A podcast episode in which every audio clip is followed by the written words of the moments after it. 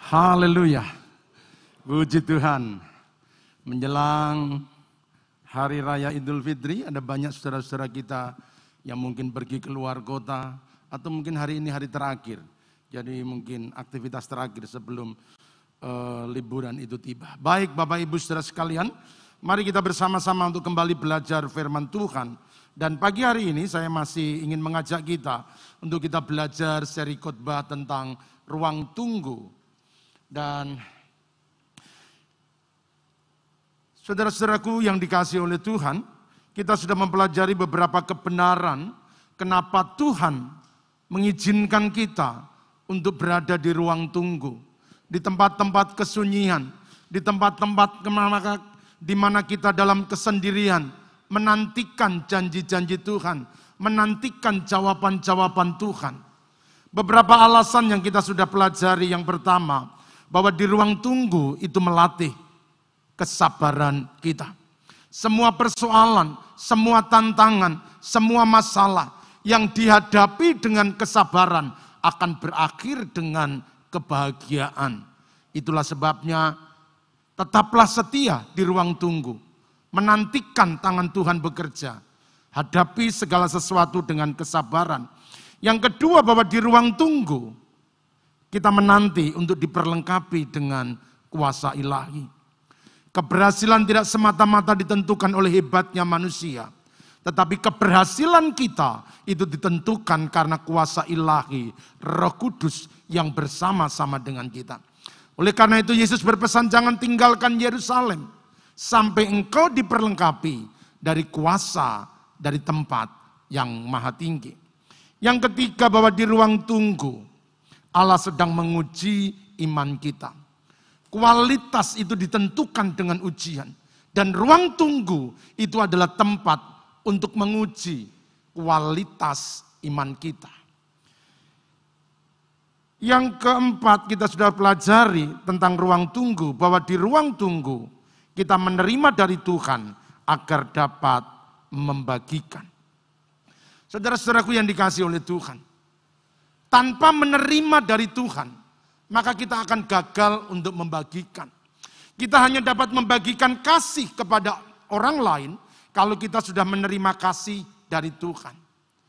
Tangan yang kosong tidak pernah bisa memberikan apa-apa kepada orang lain. Itulah sebabnya ketika kita ingin membagikan berkat Tuhan, maka kita harus menunggu untuk menerima dari Tuhan supaya kita bisa membagikan kepada semua orang. Yang keenam di ruang tunggu kita diam agar Tuhan yang berperang. Ada masanya kita maju berperang, tetapi ada saat-saatnya di mana kita diam dan mengizinkan Tuhan yang berperang, mengizinkan Tuhan yang menghadapi semua tantangan-tantangan kita dan kita berdiam diri di dalam hadiratnya. Melalui doa-doa kita maka kita akan menggerakkan kuasa Tuhan. Melalui doa-doa kita maka kita akan melihat kebesaran dan keagungan Tuhan itu dinyatakan. Di ruang tunggu kita diam agar kita dapat melihat Tuhan. Dalam kepanikan, dalam kekalutan, dalam kekhawatiran, dalam kecemasan, kita hanya melihat persoalan. Tetapi dengan diam, maka kita akan melihat Tuhan yang besar yang menyertai kita. Yang ketujuh, kita diam agar kita dapat melihat Tuhan, sudah yang delapan.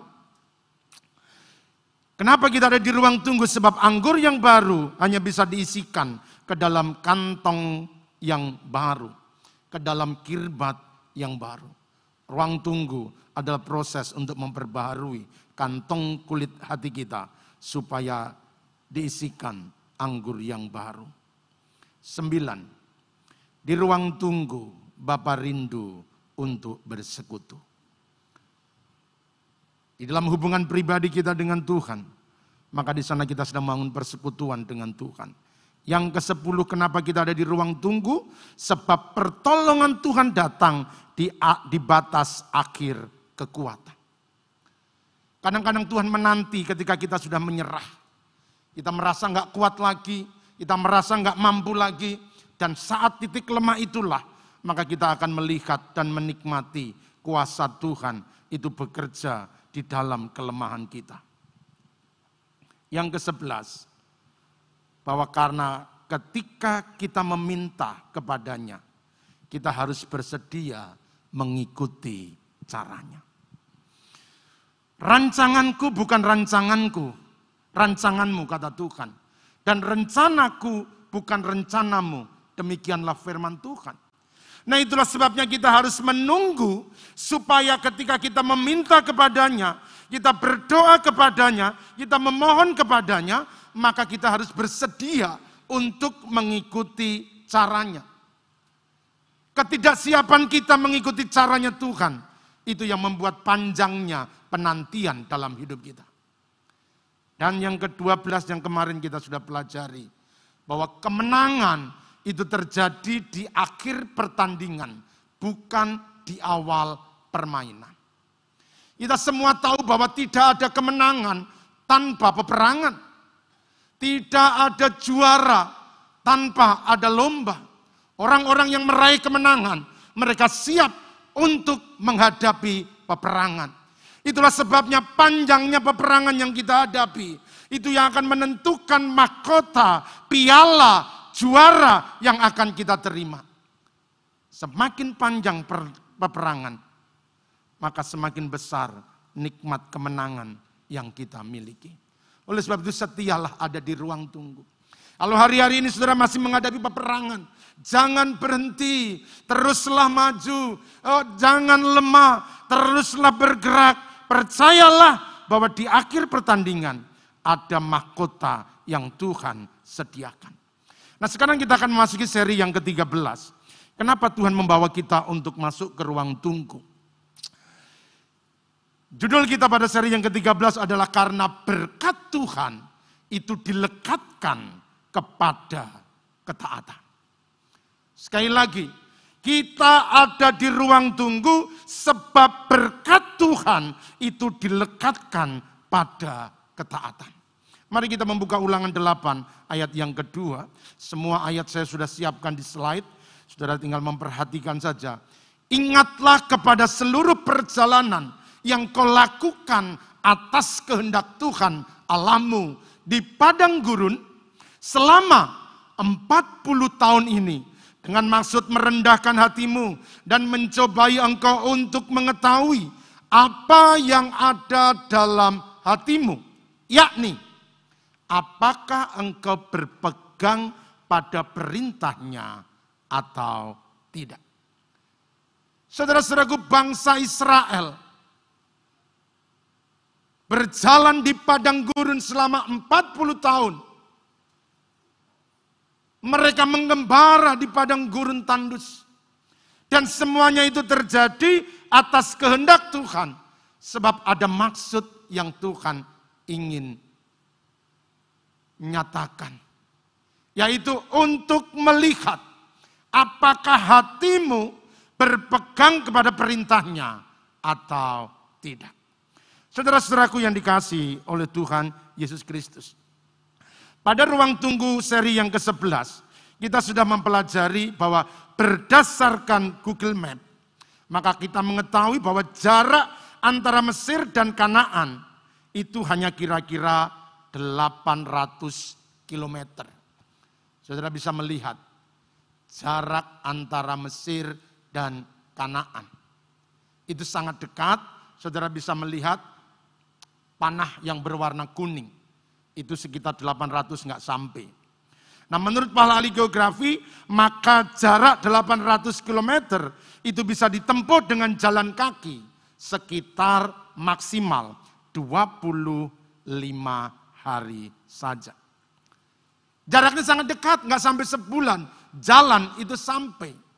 Tetapi kenyataannya bangsa Israel harus mengembara, berkeliling. Saudara bisa lihat nomor-nomor itu adalah persinggahan-persinggahan yang dilakukan oleh bangsa Israel.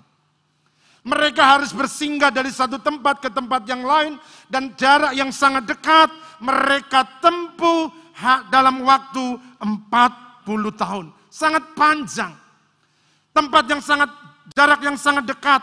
Tetapi mereka harus berjalan selama 40 tahun. Itu bukan karena Tuhan tidak punya uh, tujuan. Bukan karena Tuhan sedang bermain-main.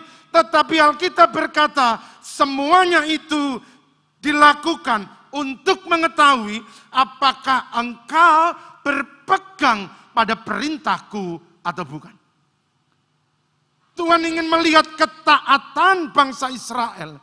Sebab berkat-berkat Tuhan itu dilekatkan kepada hati yang taat.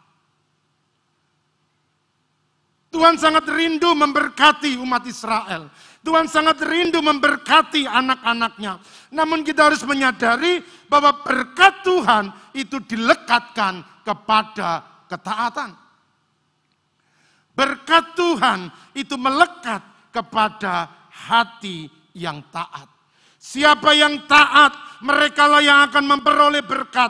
Siapa yang berjalan dalam ketaatan, maka mereka akan melihat berkat-berkat Tuhan itu dicurahkan. Saudara-saudaraku yang dikasih oleh Tuhan Yesus Kristus. Melalui jalan yang berputar di padang gurun, bangsa Israel diuji oleh Tuhan untuk mengetahui apakah mereka taat kepada Tuhan atau bukan. Sadarilah bahwa berkat Tuhan itu dilekatkan kepada ketaatan. Kalau kita tidak taat, maka berkat nggak pernah mendekat. Hanya orang-orang yang mau mentaati firman Tuhan. Mereka yang taat kepada kebenaran maka mereka lah yang akan menikmati berkat-berkat Tuhan. Barangkali sampai hari ini saudara masih menanti jawaban Tuhan. Saudara masih menanti Tuhan mengulurkan tangannya. Saudara masih menanti pertolongannya. Ada banyak hal yang engkau doakan dan Tuhan belum memberikan jawaban. Mari sadarilah di pagi hari ini. Kebenaran firman Tuhan berkata bahwa berkat Tuhan itu dilekatkan kepada ketaatan. Hanya ketika kita mau berjalan dalam ketaatan, maka kita akan menikmati berkat-berkat Tuhan. Apa pun usaha yang engkau lakukan, kerasnya engkau bekerja. Tapi kalau kita tidak taat dalam kebenaran, maka sekali lagi tidak ada berkat yang mendekat. Saudara-saudaraku yang dikasih oleh Tuhan Yesus Kristus. Bagi Tuhan ketaatan itu suatu yang mutlak. Ketaatan itu tidak bisa ditawar-tawar. Karena memang berkatnya itu melekat kepada hati yang taat. Kalau kita taat, maka kita akan menikmati berkat Tuhan. Mengapa Tuhan menuntut ketaatan dari bangsa Israel? Berapa alasan yang akan kita pelajari pada pagi hari ini? Yang pertama bahwa ketaatan itu jalan menuju keberhasilan. Keluaran 13 ayat 21 dan 22. Demikian firman Tuhan. Tuhan berjalan di depan mereka pada siang hari dalam tiang awan untuk menuntun mereka di jalan. Pada waktu malam dalam tiang api untuk menerangi mereka. Sehingga mereka dapat berjalan siang dan malam. Dengan demikian tidak beralih tiang awan itu tetap pada siang hari. Dan tiang api pada waktu malam di depan bangsa itu. Saudara lihat bahwa perjalanan dari Mesir menuju ke Kanaan itu dipimpin oleh Tuhan. Sehingga keberhasilannya untuk menuju ke Kanaan itu sudah dijamin oleh Tuhan. Karena Tuhan sendiri yang menuntun bangsa Israel. Tuhan berjalan siang hari seperti tiang awan yang menudungi mereka dari teriknya matahari. Dan malam hari Tuhan menuntun mereka dalam rupa tiang api yang menerangi perjalanan mereka. Tuhan di depan dan bangsa Israel tinggal mengikuti langkah Tuhan. Mereka tinggal mengikuti tuntunan awan. Kalau awan itu bergerak, mereka berjalan. Kalau tiang api itu berpindah, maka mereka juga berpindah. Cukup taat saja. Maka keanaan itu sudah menjadi jaminan. Tidak ada kesukaran. Tidak ada kesulitan yang sulit adalah bagaimana mentaati firman Tuhan. Saudara-saudaraku jangan pernah takut. Tuhan sudah menjanjikan Kanaan satu tempat yang limpah dengan berkat-berkat Tuhan. Alkitab berkata Kanaan adalah satu tempat yang melimpah dengan susu dan madunya. Semuanya sudah disediakan oleh Tuhan. Dan itu dijanjikan oleh Tuhan. Tuhan sendiri yang menjanjikan. Dan Tuhan hanya menuntut ketaatan untuk mengikuti pimpinan Tuhan. Selama bangsa Israel mentaati, maka mereka akan masuk ke Kanaan. Tetapi Alkitab mencatat bahwa rupa-rupanya untuk taat bukan hal yang mudah. Sekalipun Tuhan sudah menyatakan dirinya dalam tiang awan dan tiang api. Tuhan berjalan di depan mereka. Tetapi hati mereka tidak taat kepada Tuhan. Bangsa Israel gagal mentaati Tuhan. Mereka bukan mentaati, tapi sebaliknya mereka melawan dan memberontak kepada Tuhan. Berulang kali mereka mengingkari perjanjiannya. Berulang kali mereka melawan Tuhan. Berulang kali mereka memberontak kepada Tuhan. Keluar dari tuntunan Tuhan. Mereka lebih memilih jalannya sendiri. Mereka lebih memilih dengan caranya sendiri. Dan apa yang terjadi? Dari seluruh orang yang keluar dari Mesir. Hanya dua orang saja. Yosua dan Kaleb yang diizinkan masuk ke tanah Kanaan. Saudara-saudaraku yang dikasih oleh Tuhan Yesus Kristus. Sadarilah bahwa tidak ada keberhasilan tanpa ada ketaatan. Karena ketaatan adalah induk dari semua keberhasilan. Sekali lagi tidak ada keberhasilan tanpa ketaatan. Karena ketaatan adalah induk dari semua keberhasilan. Dunia punya aturan. Gereja juga punya aturan. Perusahaan punya aturan. Di mana-mana punya aturan. Dan selama kita mengikuti aturan, maka jaminan keberhasilan itu pasti akan terjadi. Semua perlengkapan-perlengkapan elektronik selalu dilengkapi dengan tata cara penggunaannya. Ada SOP-nya, saudara kalau mau nyalakan TV, saudara mau nyalakan apa pun juga, itu juga disertai dengan tata cara bagaimana mengoperasikannya. Dan selama kita mengikuti aturan-aturan yang ditentukan, maka barang itu pasti akan terjaga dengan baik. Demikian pula dengan hidup kita. Tuhan telah menyediakan tata caranya, aturan untuk kehidupan dalam dunia ini di dalam firman-Nya. Tuhan sudah menjamin keberhasilan. Tuhan sudah menjamin kanaan itu buat orang Israel. Tetapi yang dia minta, yang dia tuntut adalah hati yang taat. Amsal pasal yang ke-13, ayat yang ke-13. Firman Tuhan berkata, siapa meremehkan firman, akan menanggung akibatnya. Tetapi siapa yang taat kepada perintah akan menerima balasan. Sekali lagi, tidak ada keberhasilan tanpa ketaatan. Kalau saudara ingin menikmati berkat-berkat Tuhan, saudara mengalami kegenapan semua janji Tuhan, mari berjalanlah di dalam ketaatan. Ikuti tuntunan Tuhan, pandang dia yang berjalan di depan kalau dia berhenti-berhenti, kalau dia bergerak-bergeraklah. Jangan mendahului Tuhan dan juga jangan terlambat dari langkahnya Tuhan.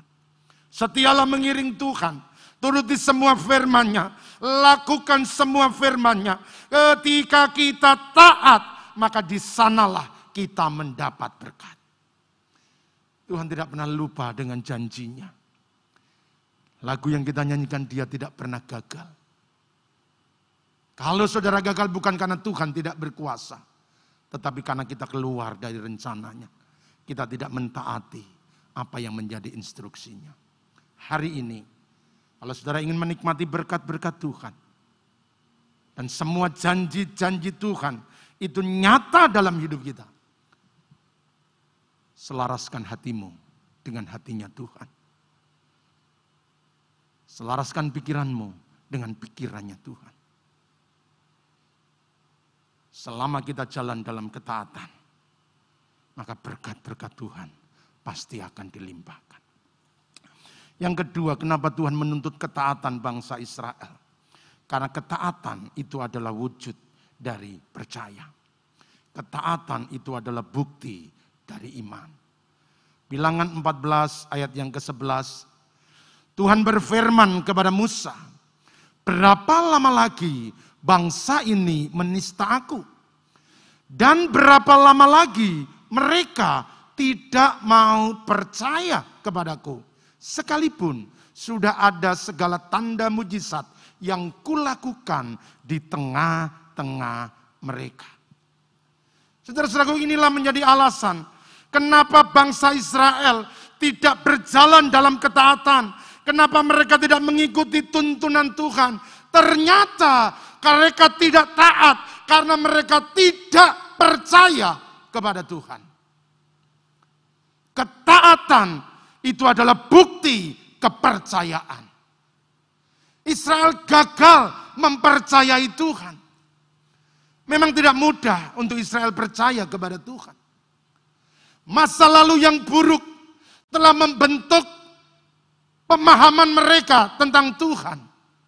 400 tahun mereka diperbudak di tanah Mesir. Berulang kali mereka berseru kepada Tuhan, tetapi tidak ada jawaban. Di tengah-tengah penderitaan, mereka berdoa kepada Tuhan, tetapi tidak ada kelepasan. Yang dihadapi adalah penderitaan, yang dialami adalah kesulitan.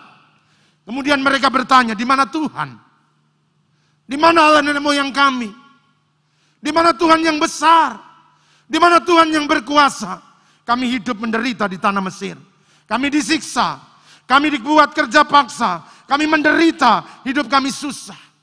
Dan sekarang Musa datang dan berkata, Tuhan ingin membawamu masuk ke tanah Kanaan yang berlimpah susu dan madu. Tuhan yang mana? Selama ini 400 tahun kami disiksa. Kami sudah berulang kali berdoa. Kami berulang kali berseru. Kami berteriak. Tetapi tidak ada pertolongan. Dan sekarang engkau datang membawa kami dan berkata tentang Tuhan. Nggak mudah. Itulah sebabnya Tuhan berkata sekalipun sudah ada segala tanda mujizat yang kulakukan. Bahkan ketika Tuhan menyatakan mujizatnya, maka Israel juga tidak segampang itu untuk percaya. Bahwa memang benar-benar Tuhan yang menginginkan mereka keluar dari tanah Mesir. Saudara-saudaraku yang dikasih oleh Tuhan Yesus Kristus. Israel meragukan kuasa Tuhan. Israel meragukan pimpinan Tuhan. Israel meragukan tuntunan Tuhan. Mereka tidak yakin kalau benar Tuhan akan bawa mereka ke negeri yang berlimpah susu dan madunya. Mereka tidak percaya kalau masa depan mereka akan menjadi cerah. Mereka tidak percaya kalau hari depan yang Tuhan janjikan itu penuh dengan harapan. Oleh sebab itu mereka sulit untuk mentaati karena mereka tidak mempercaya. Mari saudara-saudara kita periksa hati kita pada siang hari ini. Kalau kita tidak taat, jangan-jangan kita kurang percaya kepada Tuhan. Kalau kita tidak bisa hidup di dalam ketaatan, jangan-jangan kita kurang yakin kepada siapa yang kita sembah. Sadarilah, ketaatan itu lahir dari kepercayaan, sebab kita hanya mengikuti orang-orang yang kita percayai. Saudara tidak akan pernah mengikuti orang-orang yang tidak dipercayai. Kita hanya mau menurut, mau nunduk, mau mengikuti kalau kita percaya kepada orang itu. Tanpa kepercayaan, maka tidak akan ada ketaatan. Tetapi kalau kita percaya, maka kita akan melakukan apa pun juga yang orang itu perintahkan. Saudara-saudaraku yang dikasih oleh Tuhan Yesus Kristus. Iman itu adalah induk dari ketaatan. Kalau kita nggak punya kepercayaan kepada Tuhan, sulit sekali untuk kita bisa mengikuti perintah Tuhan. Dan itulah persoalan yang dihadapi oleh bangsa Israel. Sekalipun tanda mujizat telah dinyatakan, tapi mereka tidak mempercayai Tuhan. Itulah sebabnya mereka tidak mentaati Tuhan. Mari kita melihat beberapa saja, saya tidak tampilkan semua persinggahan.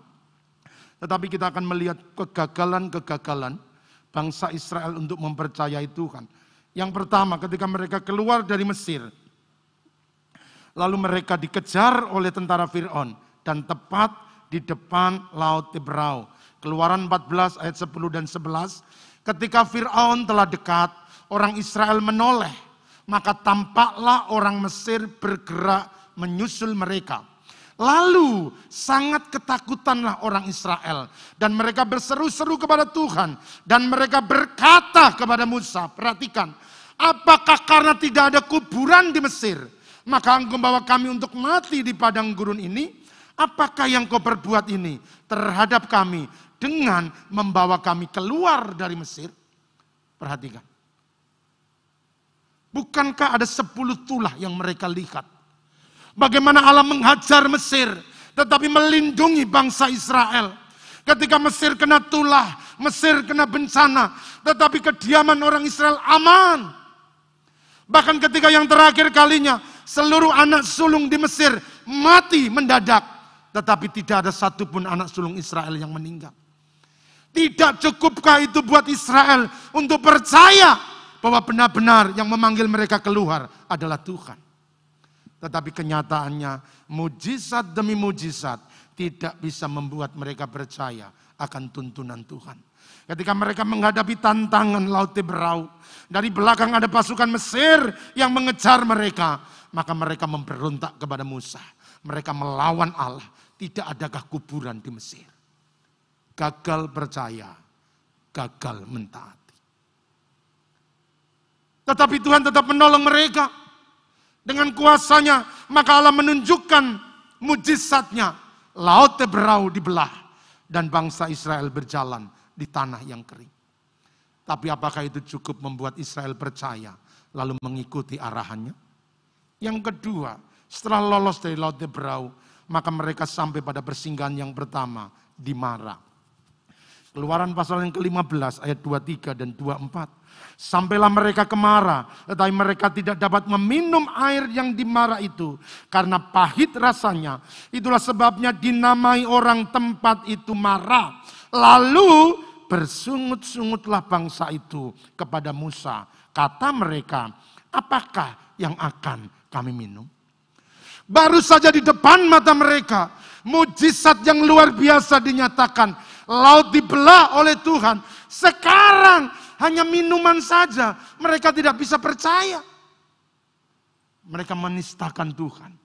Mereka memberontak kepada Tuhan. Apa yang kami minum?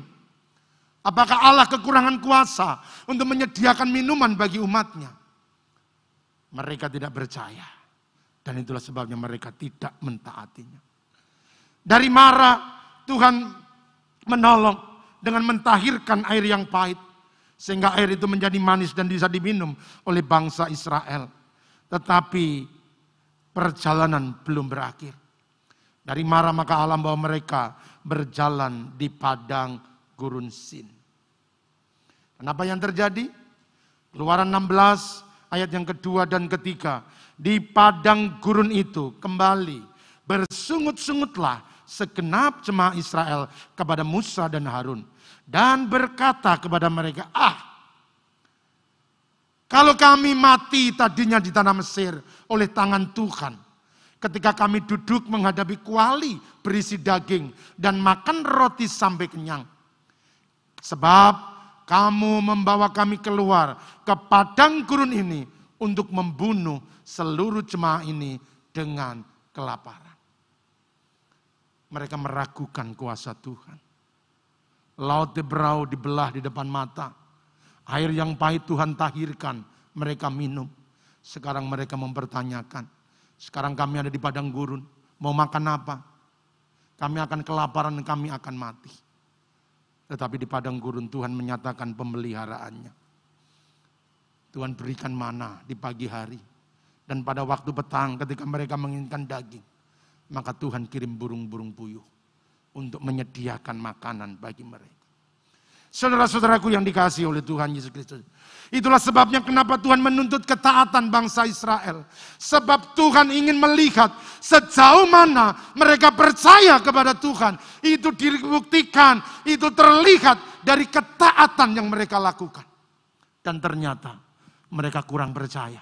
Itulah sebabnya mereka kurang taat. Mereka tidak yakin akan tuntunan Tuhan. Mereka tidak yakin akan pemeliharaan Tuhan. Dan akibatnya mereka tidak bisa mengikuti arahan, petunjuk yang Tuhan berikan kepada mereka. Saudara-saudara, mari kita periksa. Seberapa dalam kita punya kepercayaan kepada Tuhan. Tidak sekedar pengakuan aku percaya kepada Tuhan. Tetapi imanmu, kepercayaanmu itu akan terbukti kepada ketaatan. Orang-orang yang percaya penuh mereka akan mentaati Tuhan dengan penuh. Tapi kalau setengah percaya, maka ketaatan kita juga menjadi setengah-setengah. Percaya Tuhan ya, ikut dunia juga ya. Saudaraku siang hari ini, belajarlah dari Nuh. Dia punya kepercayaan yang sangat luar biasa. Ibrani 11 ayat yang ketujuh Alkitab berkata demikian. Karena iman, karena percaya, Perhatikan. Maka Nuh dengan petunjuk Allah tentang sesuatu yang belum kelihatan. Sesuatu yang belum dilihat. Dengan taat. Mempersiapkan batera itu untuk menyelamatkan keluarganya. Dan karena iman itu, ia menghukum dunia yang ia ditentukan untuk menerima kebenaran sesuai dengan imannya. Perhatikan korelasi antara iman dan ketaatan. Karena iman, karena percaya, maka no oleh petunjuk Allah tentang sesuatu yang belum kelihatan. Pada zaman Nuh, hujan belum pernah turun. Nuh tidak pernah lihat apa itu hujan. Tetapi Tuhan perintahkan, buatlah batera. Karena sebentar lagi aku akan menghukum bumi dengan air bah. Nggak bisa bayangin. Belum pernah lihat hujan, apalagi air bah. Tetapi karena percaya, maka Nuh mentaatinya. Karena iman, maka Nuh melakukan. Iman selalu ditunjukkan dengan ketaatan. Iman selalu dibuktikan dengan tindakan. Iman yang tidak ada tindakan, maka itu adalah iman yang kosong. No percaya, maka no melakukannya. No beriman, maka no mengerjakan. Bagaimana dengan kita? Apakah kita percaya penuh kepada Tuhan sehingga ketika kita dengar firman maka tanpa pernah mempertentangkan, tanpa pernah mempertanyakan, kalau itu firman Tuhan, apa pun akhirnya saya akan mentaatinya. Karena kita percaya bahwa firman Tuhan itu ya dan amin. Firmannya nggak pernah salah. Firmannya nggak pernah keliru. Firmannya itu adalah kebenaran. Tetapi karena kita kurang percaya, maka kita sulit untuk melakukan. Firman Tuhan berkata, berilah, maka kamu akan menerima. Masa iya sih? Memberi menerima. Saudara-saudaraku yang dikasih oleh Tuhan. Firman Tuhan kadang-kadang kita logika. Dan itulah sebabnya kita sukar untuk mentaatinya. Hari ini kepercayaanmu akan terbukti dari tindakan. Orang-orang yang percaya selalu melakukan dengan setia. Orang-orang yang percaya dia punya ketaatan penuh kepada Tuhan tanpa pernah meragukan atau mempertanyakan kebenaran firman. Kita melihat kisah murid-murid ketika mereka gagal untuk menangkap ikan. Lalu mereka berjumpa dengan Yesus. Dan Yesus berkata, tebarkanlah jalamu. Tuhan sepanjang malam kami nggak mendapat apa-apa. Tetapi karena engkau yang menyuruhnya, aku akan menebarkan jalan juga. Percaya selalu diikuti dengan ketaatan. Tanpa percaya kita gagal untuk mentaati Tuhan. Demikian pelayan-pelayan yang di pesta di Kana apa yang dikatakan oleh Ibu Yesus, apa yang dikatakan kepadamu, buatlah itu. Enggak perlu mempertanyakan, emang dia siapa bu? Memang apa yang dia buat bu? Apa kuasanya? Enggak. Apa yang dikatakan kepadamu, buatlah itu. Sekalipun mustahil, bertolak belakang dengan logika, tidak umum, tetapi pelayan-pelayan mentaatinya. Mereka mengisi tempayan dengan air, lalu mencedok dan membawa ke pemimpin pesta. Air diubah menjadi anggur.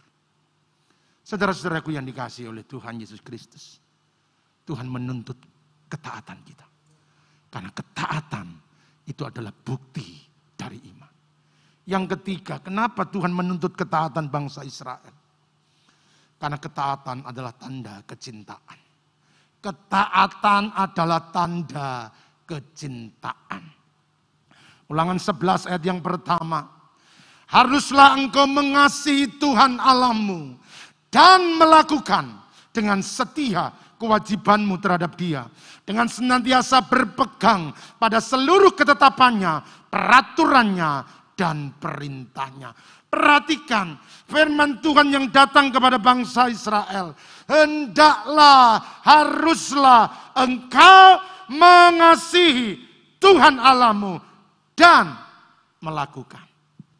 Sekali lagi, mengasihi Tuhan Allahmu dan melakukan.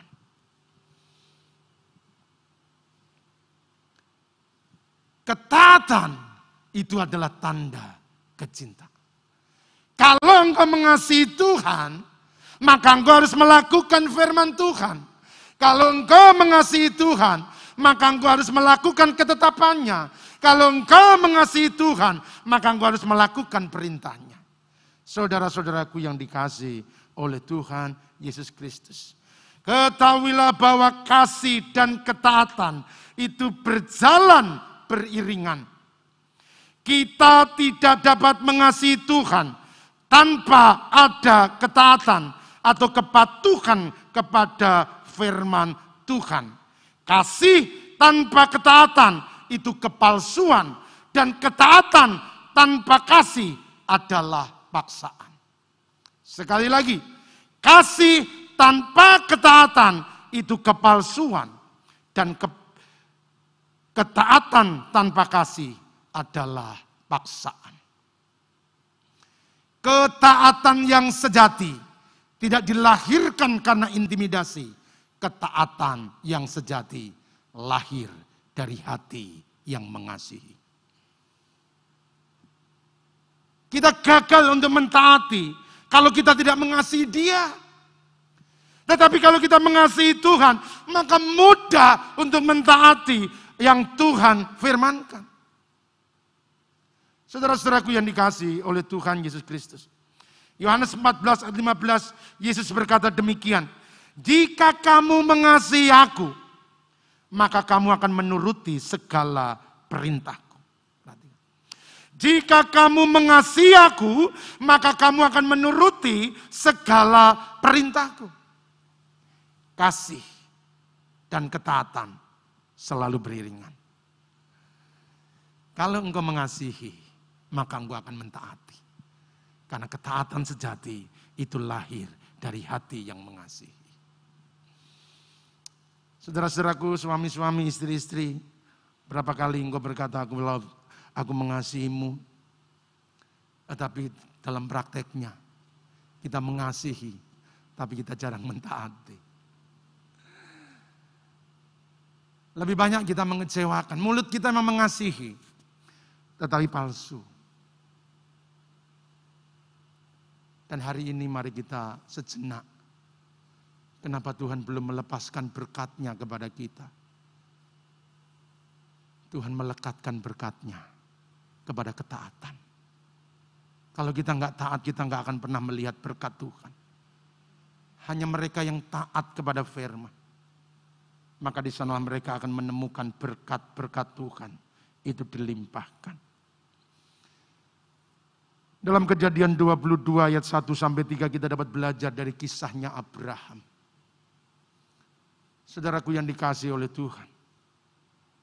Bertahun-tahun Abraham menantikan janji Tuhan. untuk memiliki seorang anak. Tetapi ketika anak itu telah diberikan, maka tidak lama kemudian datanglah firman Tuhan dan berkata, Abraham, ambil anakmu yang tunggal itu, yang engkau kasihi, dan korbankanlah sebagai korban bakaran. Saudara bisa membayangkan ayah-ayah, ibu-ibu, engkau yang melahirkan anakmu. Tetapi Tuhan berkata, beri anakmu yang tunggal, yang kau kasihi. Yang tunggal, yang kau kasihi. Untuk dikersembahkan menjadi sebuah korban bakaran. Hancur. Tuhan, kalau memang dulu aku nggak punya anak nggak apa-apa. Tetapi sekarang engkau udah kasih anak, tapi sekarang engkau meminta untuk dikorbankan. Apakah sulit buat Abraham untuk memberikannya? Kejadian 22 ayat ketiga, maka kita lihat responnya Abraham. Keesokan harinya, pagi-pagi bangunlah Abraham. Ia memasang pelana keledainya, memanggil dua orang bujangnya, beserta Ishak anaknya. Ia membelah juga kayu untuk korban bakaran itu. Lalu berangkatlah ia dan pergi ke tempat yang dikatakan Allah kepadanya. Saudara-saudaraku yang dikasih oleh Tuhan. Apa yang membuat Abraham begitu mudah untuk mengikuti perintah Tuhan?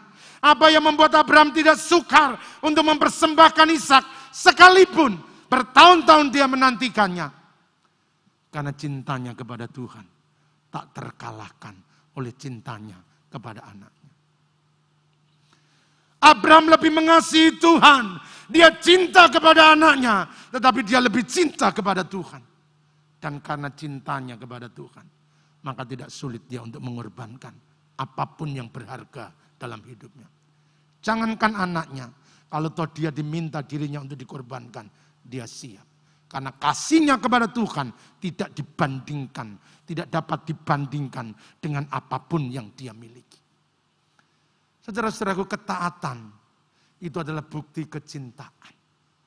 Kalau engkau cinta kepada Tuhan, maka engkau akan mentaati Tuhan.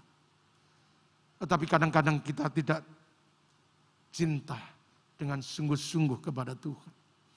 Itulah sebabnya kita gagal untuk mentaati Tuhan. Perhatikanlah bahwa ukuran cinta kita kepada Tuhan akan menentukan kadar ketaatan kita kepada Tuhan. Sedikit cintanya, sedikit pula ketaatannya.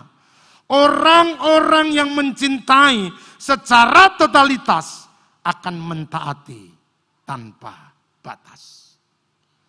Kalau cinta kita habis-habisan kepada Tuhan, maka ketaatan kita tidak akan pernah terukur lagi. Cinta yang totalitas, maka kasihnya itu tanpa batas. Kiranya ini bukan saja menjadi gambaran kita dengan Tuhan. Tetapi saudara yang hadir dengan suami dan istri. Kiranya ini menjadi peringatan bagi kita.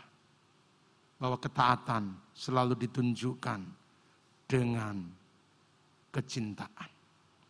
1 Yohanes 5 ayat yang ketiga. Sebab inilah kasih kepada Allah. Perhatikan. Inilah kasih kepada Allah. Yaitu bahwa kita menuruti perintah-perintahnya. Perintah-perintahnya itu tidak berat. Apa yang membuat firman Tuhan, perintah Tuhan itu menjadi berat? Ketidaktaatan. Tetapi orang-orang yang memiliki ketaatan penuh kepada Tuhan, maka tidak ada firman yang berat. Firman itu berat karena kita tidak mau mentaati. Sehingga kita melakukan firman, itu menjadi tantangan buat kita. Tetapi kalau kita mentaati firman Tuhan, kita mentaati perintah Tuhan, maka tidak ada perintah yang berat. Karena hati yang tidak taat, itu perintah Tuhan itu menjadi berat. Yohanes 14 ayat yang ke-21, firman Tuhan berkata demikian. Barang siapa memegang perintahku dan melakukannya, dialah yang mengasihi aku. Barang siapa berpegang kepada perintahku dan melakukannya, dialah yang mengasihi aku. Sekali lagi Alkitab berkata bahwa ketaatan itu dibuktikan dengan kecintaan. Saudara yang mengasihi Tuhan, mari taati. Tunjukkan cinta kita kepada Tuhan dengan cara melakukan kebenaran firman Tuhan. Taati firman Tuhan di tengah-tengah keluarga kita dalam kita membangun rumah tangga, membangun relasi suami istri, hubungan anak-anak dan orang tua. Biarlah kita jalankan seturut firman Tuhan. Demikian pula dalam usaha pekerjaan yang kita lakukan. Jalankan usaha sesuai kebenaran firman Tuhan. Sebab ketika kita melakukan semuanya itu sesuai dengan firman Tuhan, maka kita sedang menunjukkan bahwa kita mengasihi Tuhan.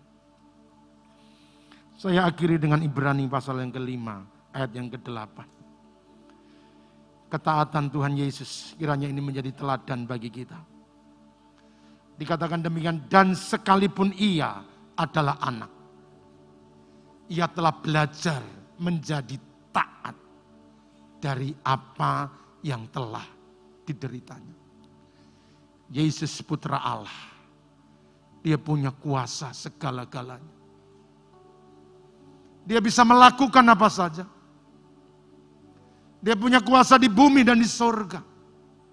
Tetapi ketika dia turun untuk melakukan kehendak Bapaknya, maka Alkitab berkata, ia telah belajar menjadi taat dari apa yang telah dideritanya. Ketaatan memang tidak selalu memberikan kemudahan. Tetapi percayalah, ujung dari ketaatan adalah berkat-berkat Tuhan yang dicurahkan. Seberat apa pun, lihatlah Yesus yang terus taat untuk memikul kayu salib. Naik di atas Golgota, sekalipun menderita, tetapi dia belajar untuk taat.